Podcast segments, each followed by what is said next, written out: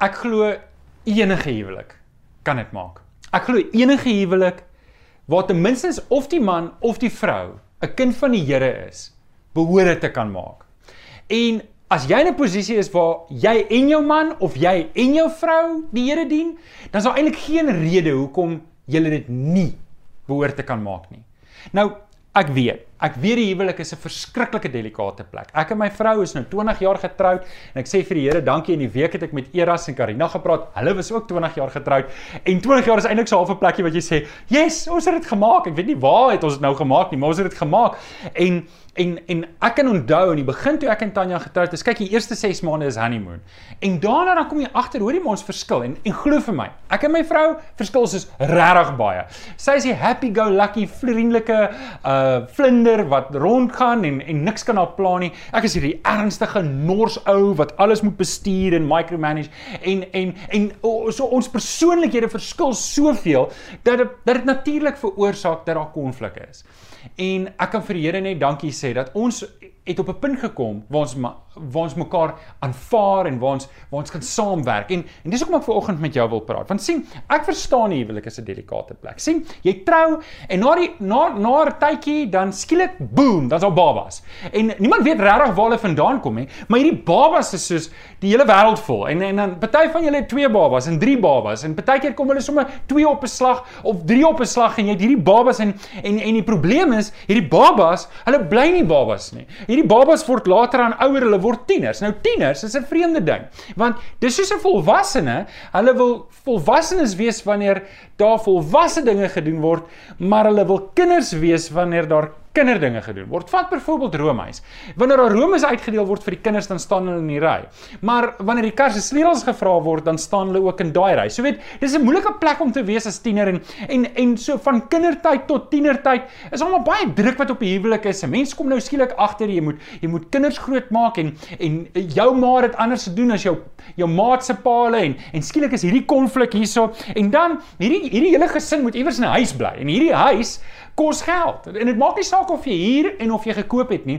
As daar 'n globe blaas of iets gebeur, die lewe gebeur, jy kom in, die huis is te mekaar en en alles bou op. En dan hierdie gesin wat in hierdie huis bly, hulle moet nog in 'n kar ry. En so jy moet nog 'n kar koop op en die kar se bande moet vervang en alles bou op en bou op en bou op en dan en dan die cherry op die koek.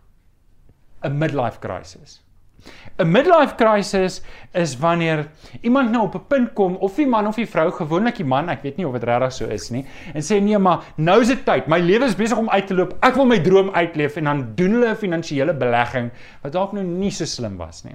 Nou ek het 'n vriend, sy vrou sê hy gaan elke kwartaal deur 'n midlife crisis. En Ehm um, want hy moet elke kwartaal iets anders koop om hom besig te hou. Sê so, okay, ek het dit. Ek het dit. Ons is getroud en die feit dat ek en my maat kinders van die Here is, maak dit nie noodwendig makliker nie. Ons moet hierdie selfde goed werk wat deur enige ander paartjie gaan en en en dis hoekom ek hierdie onderwerp het. Ek glo die huwelik kan die wonderlikste, beste plek wees wat daar moontlik kan wees. En en ek en jy moet in gedagte hou dat dit ook die ander kant waar is. Die huwelik kan kan 'n diep gat van depressie wees wat wat sleg is, waar ek net wil uitkom. En dalk is dit jy vanoggend. Dalk is dit jy vanoggend en jy trek swaar en en jou maat is dalk 'n kind van die Here of jou maat is dalk nie 'n kind van die Here nie.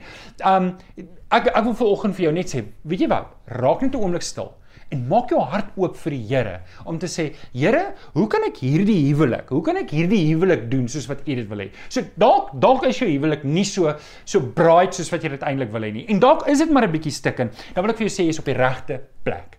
Ek gaan vir jou vanoggend uitdaag om die huwelik te doen op die Here se manier. Die beste weergawe van jou huwelik is wanneer jy dink oor jou huwelik en doen in jou huwelik soos wat die Here sê.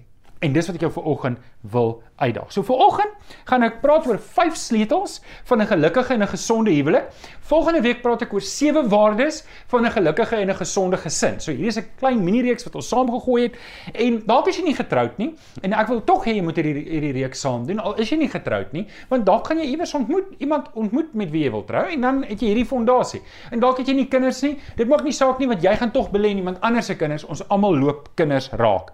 Maar voordat ek oor vandag se boodskap kan praat, moet ek eers 'n baie belangrike teksgedeelte met jou deel. En dis in Efesiërs 5 vers 21. Nou voordat ek die teksvers lees, wil ek dalk net dit sê.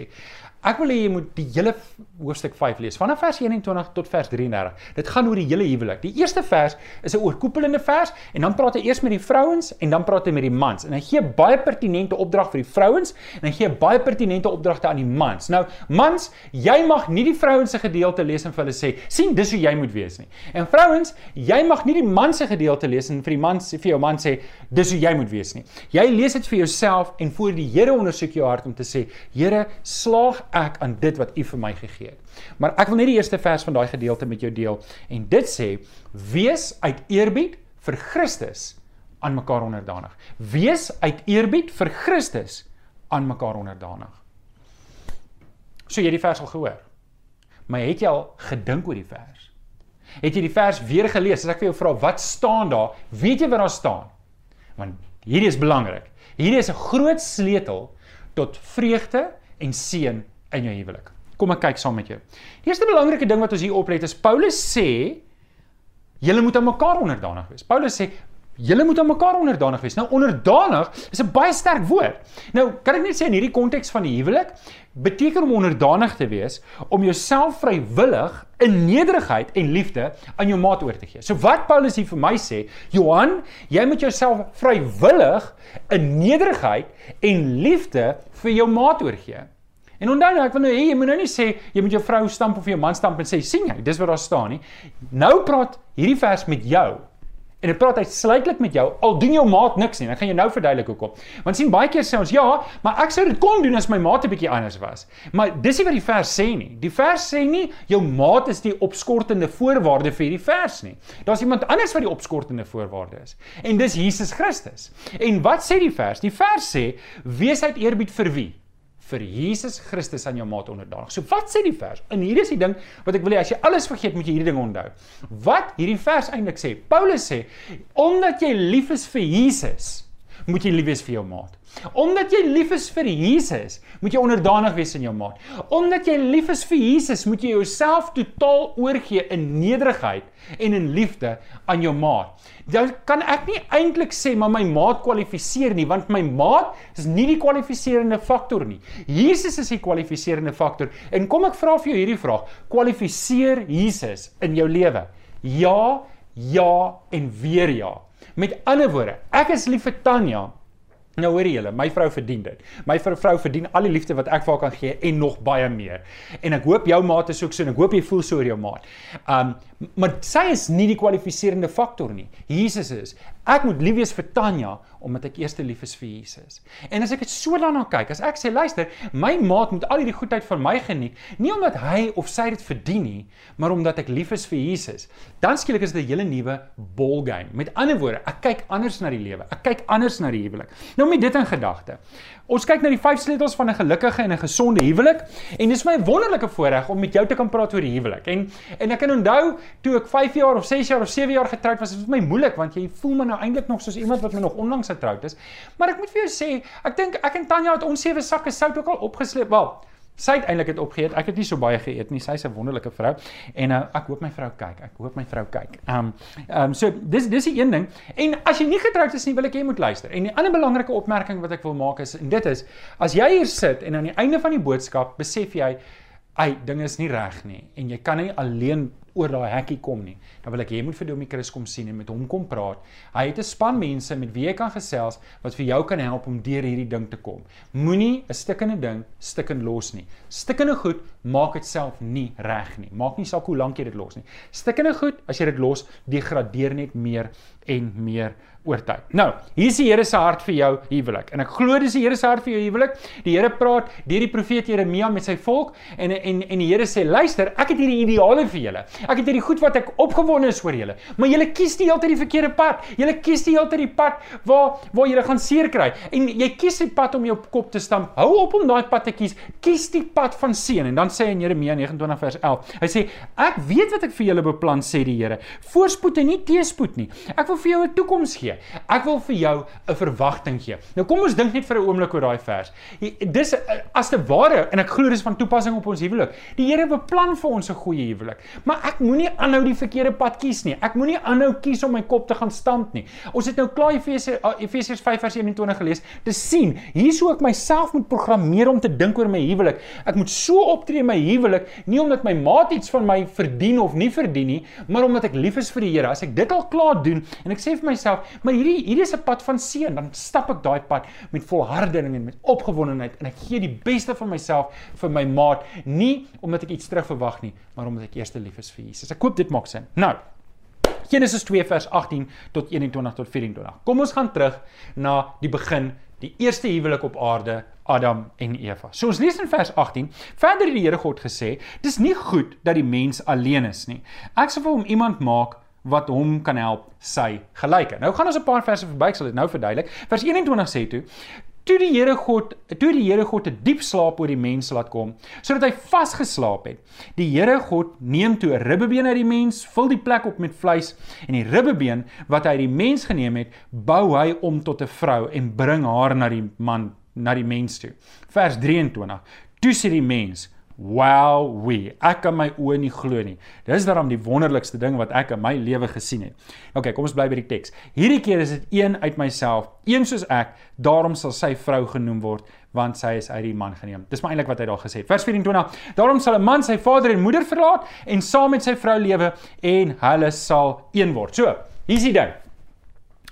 Die huwelik is deur God ingestel en ek weet toe hierdie dag toe jy getrou het, het hulle huweliksregister daar gesit en twee getuies moes by gewees het. Julle moes geteken het. Die twee getuies moes teken dat julle daar geteken het. Dit was 'n wonderlike dag. Iemand het binnelandse sake toe gegaan om julle huwelik te gaan registreer en geluk, julle is getroud. Maar alhoewel ons deur die register en deur die deur die deur die regering ons huwelike registreer wil ek hê moet mooi verstaan die huwelik is nie deur ons regering ingestel nie dis deur ons God ingestel in die tuin van Eden. So hier's wat die Here doen. En as jy Genesis 1 tot 12 gelees het, dan kom jy dit vinnig agter. So die Here maak vir Adam en die Here kyk na Adam en dis die vers wat ons gemis. En hy sê vir Adam, hy hy sê Dis nie goed dat Adam alleen is nie. Ons moet 'n plan maak. En die Here bring al die diere na Adam toe. Nou vroeër het hy al die diere gemaak, mannetjie wyfie, mannetjie wyfie, mannetjie wyfie, mannetjie wyfie, jy het dit. En hulle geseën en gesê, "Wees vrugbaar." So toe kom al hierdie diere na na Adam toe en ek hou daarvan om hierdie storie te vertel. Ek vertel dit gewoonlik op troue so ook. En en en jy kan sien daar was nie 'n vrou gewees nie. Weet jy, weet ek dit, want as jy kyk at die gehalte van die name wat uitgekom het, krokodil, volstruis, renoster, daar was nie 'n vrou naweek en die totale lack of feminine touch skreeu in hemele.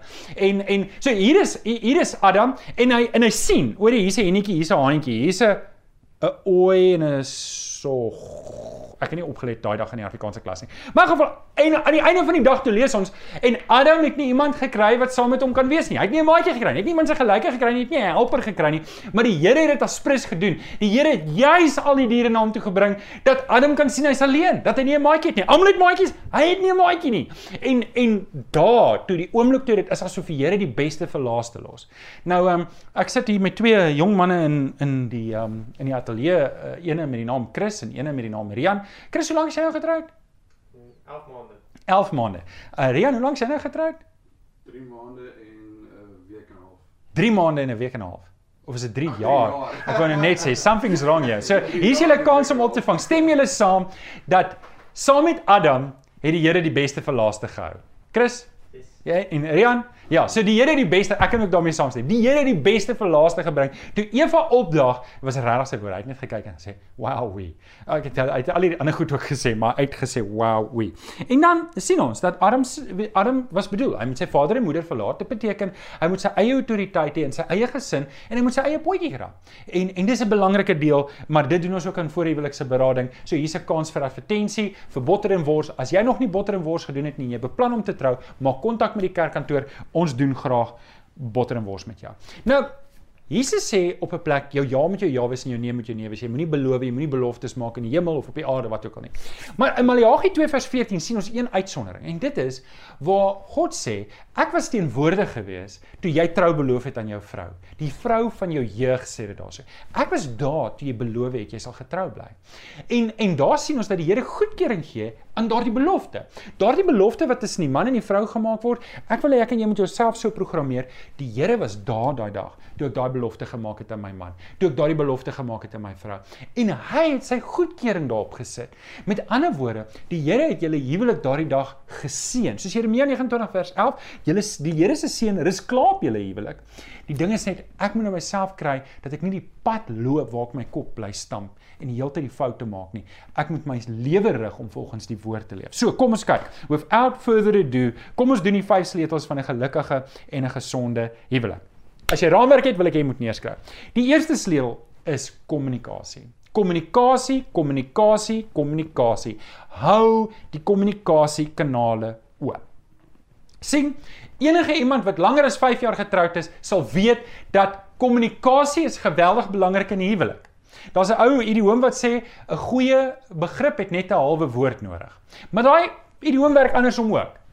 En dis baie keer so wanneer jy langer getroud is. 'n Halwe woord het beslis ook 'n goeie begrip nodig. Nou dink 'n bietjie oor daai ene. Efesiërs 4 vers 26 sê as jy kwaad word, want ons gaan baie keer kwaad raak. As jy kwaad word, moenie sondig nie en moenie 'n dag kwaad afsluit nie. Nou vers 27 gaan dan verder en sê moenie die duiwel vat kans gee nie. Nou ek het gehoor van 'n predikant wat gepreek het en um, die man en die vrou het voor hom gestaan met sy jong paartjie, man en vrou, pragtige jong man en 'n dametjie en en hy praat daar met hulle en hy en hy's besig om met hulle te preek en hy preek oor hierdie vers en hy sê vir hulle julle mag nie kwaad gaan slaap nie. Die ou vertaling sê nog jy mag nie kwaad gaan slaap nie. En hierdie paartjie het dit so ernstig opgeneem, hulle het een keer vir 3 weke lank nie gaan slaap nie. Nou dis vir my nou net 'n grappietjie. Ek hoop jy het gelag daarvoor. Maar die punt is baie duidelik. Die punt is baie duidelik. Ek moenie 'n dag kwaad afsluit nie. Ek moenie bed toe gaan met 'n wrok in my hart nie. Nou, gaan alle konflik aan die einde van die dag opgelos wees? Nee. Alle konflik gaan nie opgelos wees aan die einde van die dag elke keer nie. Maar ek kan kies om te sê, weet jy wat? Ons huwelik in die Here is groter as die konflik wat ons gehad het. Ons huwelik in Jesus is altyd groot. Maak nie saak watter konflik jy het nie. Maak nie saak watter gebrokenheid het jy in jou huwelik op hierdie stadium nie. Ons huwelik is belangriker as dit. En dis hoekom ons altyd kommunikasiekanale oop hou. Ek gaan nie in stil stype ingaan en my vrou of my man ignoreer vir 2 weke omdat hulle iets gesê het wat ek nou nie mee goedkeuring het nie ek hou die kommunikasiekanale altyd oop. My vrou moet weet sy kan enige oomblik met my oor enige iets praat en net so my man ook. Kommunikasie. Want sê Paulus, as jy as jy daai kommunikasiekanaal afbreek, dan gee die duiwel vat kans. Hoekom? Want omdat ek en jy nie praat nie, nou kan die vyand allerlei goed in my kop inprint. En hoe meer goed in my kop insit, nou het ek nou het ek 'n dialoog met jou en nou het die duiwel jou stem aangeneem en nou praat die duiwel in my kop met jou stem en nou verbeel ek my dis jy wat met my praat. Het jy al gesprekke gehad? Wat jy 'n gesprek het met jou vrou in jou kop? Wil jy 'n hele gesprek teen die tyd wat jy by haar kom, is jy al so kwaad oor alles wat sy gesê het wat sy nooit gesê het nie. Pas op daarvoor. Dis hoe die duiwel hou vaskry op jou huwelik. Hou die kommunikasiekanaal oop. Sleutel nommer 2. Konsiderasie. Nou daar's debat in ons kantoor of dit werklik 'n Afrikaanse woord is. Maak nie saak nie, vir vandag is dit 'n Afrikaanse woord. Konsiderasie, konsidereer mekaar, julle is regtig anders. Soos ons het altyd gesê op skool met die kinderbediening as hulle sê, "Wakey wakey, eggs and bakey." Wel dalk is dit 'n verrassing vir jou. Partykeer is dit 'n verrassing hier rondom jou tweede, derde jaar om agter te kom hoeveel julle werklik verskil. En dit is oukei. Okay. En ek gaan nou ietsie daar sê. Ons moet mekaar konsidereer. Ons is verskillend, ons het verskillende behoeftes, ons het verskillende ideale partykeer, ons het verskillende stokperdjies. En Partykeer verskil ons so en ons moet mekaar in ag neem. Psalm 103 vers 14 sê: Hy weet waarvan ons gemaak is. Hy hou in gedagte dat ons net stof is. Dis Dawid se woorde. Dis eintlik pragtig wat Dawid iets sê van die Here se hart. Hy sê die Here weet maar wat ons wat ons ons substansie is. Hy weet waarvan ons gemaak is. Hy weet waartoe ons in staat is en hy konsidereer ons. Hy verwag nie meer van ons as wat wat hy wat ek kan gee nie. Net so in die huwelik. Is dit 'n belangrike um is 'n belangrike sleutel om ons huwelik te maak werk is om my maat te konsidereer om te sê my liewe vrou jy's anders as ek. Dis oukei okay met my. Ek is bly jy's anders. Want hier's die ding dis waarskynlik haar andersheid of sy andersheid wat jou getrek het Jy het op 'n stadium na daai meisietjie gekyk en gesê, "Sjoe, wat is dit met hierdie meisietjie? Sy laat my hart so vinnig klop." En en onthou jy die eerste keer toe jy aan haar hand gevas het, sy het so gebloos, onthou jy dit? Onthou jy dit toe jy aan haar hand vat en sy skrik amper en en en sy wil so ordentlik wees, maar sy wil ook so graag jou aanvashou. En kyk, julle is nou getroud. Hoe wonderlik is dit? Julle het iets reg gedoen en julle is getroud. Moenie daai, moenie daai spesiaalheid net onder die met die water laat afvloei nie. Hou dit so en deel daarvan is om mekaar te konsidereer, om te sê ons is anders en dit is oukei. Okay. Konsidereer mekaar. Konsiderasie is wanneer ek weet my my maat is anders as ek en ek is oukei okay daarmee. Konsiderasie is wanneer ek my maat se verskille waardeer en sien maar daai daai andersheid is goed. 'n uh, Konsiderasie is wanneer ek kyk na my maat en ek laat toe dat haar of sy verskille my lewe verryk en ek laat toe dat my verskille my maat se lewe verryk. Dis hoe ons daarna moet kyk. Ons is volwassenes en ek dink weet jy wat nie, ons kan baie keer so volwasse wees by ons werk en by ander plekke, maar in die huwelik is ons weer kinders. Dan weet wil ons net tantrums gooi. En en ons moet ons harte bewaar om te sê my maat is die belangrikste persoon in my lewe en ek moet my maat so behandel. OK. Nou kom ek by die moeilike ene. Nou kom ek by die moeilike ene en dit is kompromie. Kompromie. Dis iets wat ons almal mee sukkel. Wanneer ek verkeerd is, hoop ek iemand sal dit met my doen, maar wanneer iemand anders verkeerd is, is dit iets wat ek nie graag met iemand anders doen nie. Nou hierdie is die gesegde wat ek nou wil sê. In huwelik, so of twee wenners of twee verloorders. Hou vas aan daai gedagte. Ek gaan nou terugkom na dit toe. Kom ons kom net eers by die konsep van om 'n kompromie aan te gaan. Wie was die eerste persoon wat 'n kompromie moes aangaan? Wel, dit was God. Dit was God. God het in die tuin van Eden vir Adam gesê: "Adam, as jy van daai boom eet, sal jy sekerlik sterf." En hy en Eva het van die boom geëet en toe stuur die Here hulle uit die tuin uit. Maar het hulle nie laat sterf nie. Hoekom? Want God maak 'n kompromie. Maar dis nie al nie, hy het nie net daar 'n kompromie gemaak nie. Baie jare later, toe stuur hy sy seun Jesus Christus om in die kruis te sterf om 'n kompromie te maak om 'n verlore wêreld te red. Hy sê, julle kon nie bykom om die wet te onderhou nie. Julle kon nie bykom om 'n heilige lewe konstant te lewe nie. So ek maak 'n kompromie. Ek kom af. Ek stuur my seun Jesus om aan die kruis te sterf sodat jy gered kan word van jou sonde. En dan gee ek vir jou die Heilige Gees sodat jy nie in jou eie krag hoef oorwinning te kry nie. Ek gee vir jou die krag om in oorwinning te lewe. So God maak 'n kompromie en hy hy steek sy hand uit en hy help ons. Ons moet daai voorbeeld volg in die huwelik. Ons moet kompromie aangaan. 1 Korintiërs 13 vers 5 sê dit so mooi: Die liefde soek nie sy eie belang nie. Die liefde soek nie sy eie belang nie. Nou, weer. Die huwelik het of twee wenners of twee verloorders. Daar's nie daar's nie ek wen nie argument en my vrou verloor dan en dan's ek 'n wenner en sy's 'n verloorder nie. Ons is albei of 'n wenner of ons albei verloor. En en daai se ingesteldheid wat ek moet hê om te besef, skielik gaan ek anders konflik hanteer in my huwelik. Skielik gaan ek makliker kompromieë maak want ek wil ook wen. Ek wil hê ons moet wen. Dis ons saam teenoor die probleem. Nie die probleem tussen ons en ons het wat hulle noem friendly fire. Ons val mekaar aan nie. So die liefde soek nie sy eie belang nie. Dit bring ons by die volgende een en dis koestering. Koestering is seker die lekkerste een. En uh, jy sal sien daar's die die huwelik is nie hoekie vir eensames nie. Ek weet nie wie van julle onthou die keer. Uh ek hulle die naam verander die vroue keer. Ek kan onthou my ma twee tydskrifte altyd gekoop, die keer en die huisgenoot. En in die keer In die keer op 'n stadium was daar hoekie vir eensames. Onthou julle die hoekie vir eensames? Nou wat jy kon doen is, is jy kon die adres agterkry en hoe die mense hulle name gekry het, weet ek nie. Byvoorbeeld, dis um Soekie van Sekunda. Dan kan jy nou vir Soekie van Sekunda 'n briefie skryf, dan jy nou penmaatjies. Of Blommie van Bloemfontein of Joanne van Johannesburg of wat ook al dit is. Ek dink daai name was nie regtig gewees nie. Ek het ek het vir 'n paar van daai mense na briewe geskryf. Ek was nog op laerskool, maar niemand het ooit vir my teruggeskryf nie. Ek was nogal so hard sê daar. Maar die, hoekom sê ek dit? Die die die die huwelik is nie hoekie vir eensames nie. Die die jy het 'n maat wat by jou is en en jy moet werk aan daai. Jy moet werk aan daai verhouding en deel daarvan is koestering.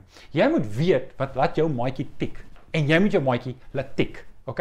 Want die beste kans wat sy jou gaan laat tik of Um hy jy hom haar nou het ek al die homme en hare die mekaar gaan laat tik is as jy eers op die tafel sit wat jy het. En koester jou maatjie. Jy gaan gaan doen Gary Chapman se 5 love languages. Gaan doen dit en vind uit wat jou maatjie se se se um love languages is. Jy kan die toets gaan doen aanlyn is verniet. Gaan kyk en begin jou maat liefde wys sodat hulle liefde kan voel. Want kans is goed. Jou eerste 2 of eerste 3 love languages verskil van jou maat se en jy is besig om vir jou maat te wys jy's lief vir hom of lief vir haar op die manier wat jy graag wil liefde ervaar en intussen mis jy jou maat heeltemal.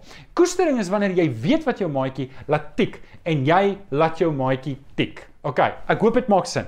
Um het jy geweet die woord bedwelm kom voor in die Afrikaanse Bybel? Het jy geweet? Rian, het jy geweet? Chris, het jy geweet bedwelm? Uh nee, nee, Spreuke. Hoor gou mooi. Ek wil nou jou naam in die Bybel sit, maar ek weet nie wat jou naam is nie. maar Spreuke 4 vers 19 sê: "Geniet volheid van haar liefkosing. Laat dit jou derendheid bedwelm." Dis nie hoekie vir eensaam is nie. Ons praat hier van intimiteit. Ons praat hier van geniet. Luister, die Here het Adam en Eva man en vrou gemaak dat hulle mekaar moet geniet. Nou ek weet ons dalk kykers wat sensitiewe ore het, so ek kan nie meer as dit sê nie, maar jy kan hoor, hierdie is nie sommer net briewe skryf nie. Hier is regtig mekaar koester. Ek het 'n storie wat ek op elke troue vertel. Ek het hierdie storie wat ek op elke troue vertel en en want dit het dit het diep indruk op my gemaak. Ek kan onthou ek was 22 jaar oud. Ek het net my troulisensie gehad en omdat Dominee Jakob blind is, kon hy nie troues doen nie. So ek het meeste van die troues doen. Hy kon preek, maar hy kon nie die lisensie werk doen nie. En so het ek opgeëindig het ek baie van die troue self gedoen het ook. En ek het drie man en vrou getrou. Hulle was albei in hulle middel 50s gewees op daai stadium. Die man se vrou het afgesterf, sy was siek vir lank gewees. En ehm um, ek kan ek ry eendag in Bloemfontein, so 6 maande na hulle troue, ry ek in Bloemfontein in die Breinstraat daar. En ek sien hier kom die vrou aangehardloop en ek sien die angs op haar gesig sê hardloop. Sy sê: "Nee! Nee!" En sy hardloop. "Nee!" En sy arms in die lug en sy hardloop. En en en ek kyk, hoekom hardloop sy en ek sien maar die oom, die oom jaag haar, hy jaag haar in die straat af. En en ek besef hierdie twee probleme. Hier's hier's moeilikheid en ek gaan moet help. En nou ek is 22 jaar, wat weet ek van huweliksberading? Maar ek kan onthou, net het regtig gebeur. Ek het my venster afgedra om te luister of ek kan hoor wat gaan aan. Nou ry ek so nader en hulle kom so aangehardloop. En en en die oomie haal die tannie in. En hy gryp haar. En hy druk haar op die sypaadjie en hy begin haar kielie en hy begin haar kielie en sy skree net: "Nee, los my, los my." En ek is geskok. Ek kan onthou, ek het my kar in die eerste pad wat ek links kon draai, links gedraai en weer regs gedraai dat hulle my nie moet sien nie. En ek het die kar gestop en ek het by myself gedink, wat het ek nou gesien? Weet sien, daar's sekere goeie, as jy dit eers gesien het, kan jy dit nooit weer onsien nie. Dit bly in jou verstand. Ek kan as ek my oë toemaak sien ek nog hierdie prentjie afspeel in die Breinstraat. Ek kan onthou die sypaadjies was nog so stowwerig geweest daarso want in Bloemfontein groei niks nie. En en en en toe ek daar stop en ek dink nee man, hulle is gelukkig. Hulle geniet mekaar. En ek vertel elke keer op 'n troue hierdie storie en ek wil dit vandag vir jou ook vertel dat jy moet jou vrou geniet. Jy jy moet jou man geniet. Koester jou man. Koester jou vrou asseblief net nie op die sypaadjies nie. Nou, so die Here wil hê jou huwelik moet hou. En deel daarvan is koestering en dit bring ons by die laaste belangrike sleutel. En dit is maak Jesus die middelpunt. Maak Jesus die middelpunt. Kolossense 3 vers 1 tot 2 is algemene raad vir algemene Christene, maar is soveel meer van toepassing in die huwelik. Aangesien julle saam met Christus uit die dood opgewek is, moet julle streef na die dinge daarbo waar Christus is, waar hy aan die regterhand van God sit. Rig julle gedagtes op die dinge wat daarbo is, nie op die dinge wat op die aarde is nie. Nou, ek het begin met hierdie gedagte, dalk dien jy die Here, maar jou ma doen nie. OK, dit maak dit baie moeiliker. Maar solank een van julle twee die Here dien, is daar 'n kans. Jy kan dit maak werk. Jy kan 'n goeie huwelik hê. Natuurlik dit vat meer werk as net een van julle twee die Here dien. Maar as albei van julle die Here dien, as albei van julle kinders van die Here is en albei van julle het getuienis dat julle Jesus Christus aangeneem het as verlosser, dan is daar geen rede hoekom julle huwelik nie kan werk nie. Nou, as jy nou nie 'n kind van die Here is nie, wel, dan is hierdie goed nou nie van toepassing op jou nie.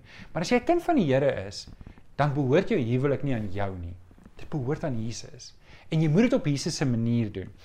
En vir dit om reg te kry, moet jy onthou dat jy moet 'n oorgawe maak aan die Here. En partykeer is dit van nuut af op nuute toegawe, 'n oorgawe, 'n toewyding maak aan die Here. En dis dalk wat jy nou moet doen. Dalk het jy, dalk het jy die hef in die hand gehad van jou eie huwelik en gesê, "Maar ek sal hierdie huwelik bestuur. Ek sal besluit wat wanneer gebeur." En intussen het jy eintlik die huwelik afgevat van God se plan Dan wil ek jou herinner aan Kolossense 3 vers 1 en 2 wat sê ons moet ons aandag fokus op die dinge wat daar bo is waar Christus is, nie op die aarde nie. Want ons hoor baie mense praat, ek sal dit nie dalk nie. Ek sal hom reg sê, ek sal haar dit doen en dis niks van Jesus nie. Ons niks van Jesus se hart in dit nie. Die vraag wat ek jou nou wil vra is: Wys jy Jesus se hart vir jou maat? Selfs al kom daai maat van jou partykeer jou te na. Wys jy die hart van Jesus? Leef jy Jesus uit in jou maat? En onthou ek vra nou nie vir jou hoe hanteer jou maat jou nie, want ons kan allerlei verskonings uitdink, maar wys jy Jesus vir jou maat soos wat Jesus dit van jou verwag? Wys jy God se liefde vir jou maat soos wat God sy liefde vir jou wys? Ek het nog 'n illustrasie wat ek altyd op troues doen. En as hulle so staan en hulle ek staan so voor ek's besig om hulle te trou, dis 'n tipiese toneel, dan sal ek sien hulle hou hande vas. As hulle nie hande vashou nie, dan sê ek vir hulle hou hande vas. Dan hou hulle hande vas. Dan sal ek vir die vrou sê, luister, daai hand hoort nie in 'n ander man se hand nie. Dan sal ek vir die man sê, luister, daai hand hoort nie in 'n ander vrou se hand nie. En dan sal ek sê, julle het albei een oop hand. En ek wil nou hê as jy langs jou vrou sit of langs jou man sit, hou gou jou vrou of jou man se hand vas. Hou hou hou hulle hande vas. Nou, terwyl ons praat, doen dit nou. En dan en dan wat jy doen is, is jy steek jou ander hand wat oop is op. En denk beeldig, sit jou hand in die Here se hand. Want dis waar jou hand moet wees. Ons hoor baie keer 'n huwelik is opgebreek deur 'n derde party. Maar daar's 'n derde party wat in jou huwelik wil wees en dis Jesus Christus. En as hy in julle huwelik is, het julle huwelik die beste kans om die beste huwelik te kan wees wat daar moontlik kan wees. Hoe doen 'n mens dit? Wel, eerstens stuur hom op nie te oorgawe te maak aan die Here as man en vrou en saam te bid. En luister, dalk bid jy en jou maat maat nie saam nie. Sê nee, maar ek kan nie saam met mense bid nie. So een persoon is saam met wie jy moet bid, is dit jou maat. En luister, as jy met jou maat kan praat oor sewende laan, as jy met jou maat kan praat oor karre, as jy met jou maat jou maat kan praat oor wat ook al jy praat, dan kan jy saam bid ook. En die duiwel het dalk vir jou gejok en gesê, jy kan nie bid nie, jy kan nie bid vir mense nie. En en ek vra net, ek vra net Is dit dalk omdat jy glad in elk geval nie bid nie, dat jy sê ek kan nie vir mense bid nie? Begin om saam met jou maat vir jou maat te bid. Begin om saam te bid. Vra die Here vir rigting vir jou lewe. Gaan saam kerk toe. Doen saam Bybelstudie. Doen hierdie dinge saam en leef saam as gelowiges. Nou, hiermee sluit ek af. Hiermee sluit ek af.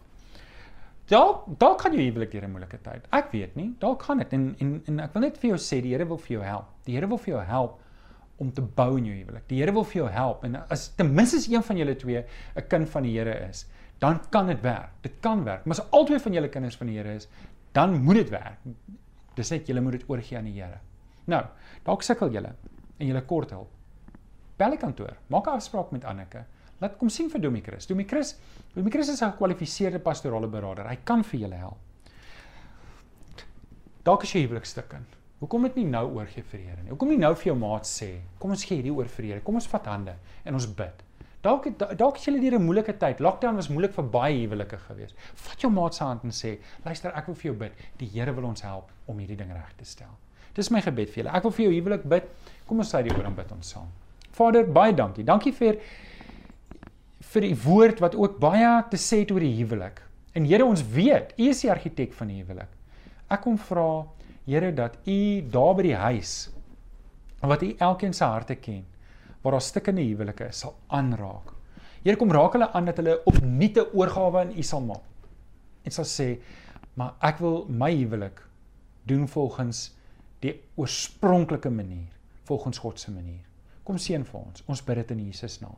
Amen. Amen. Kom ons sing, kom ons sing die volgende lied saam met Kenneth en Karen. Die Here seën.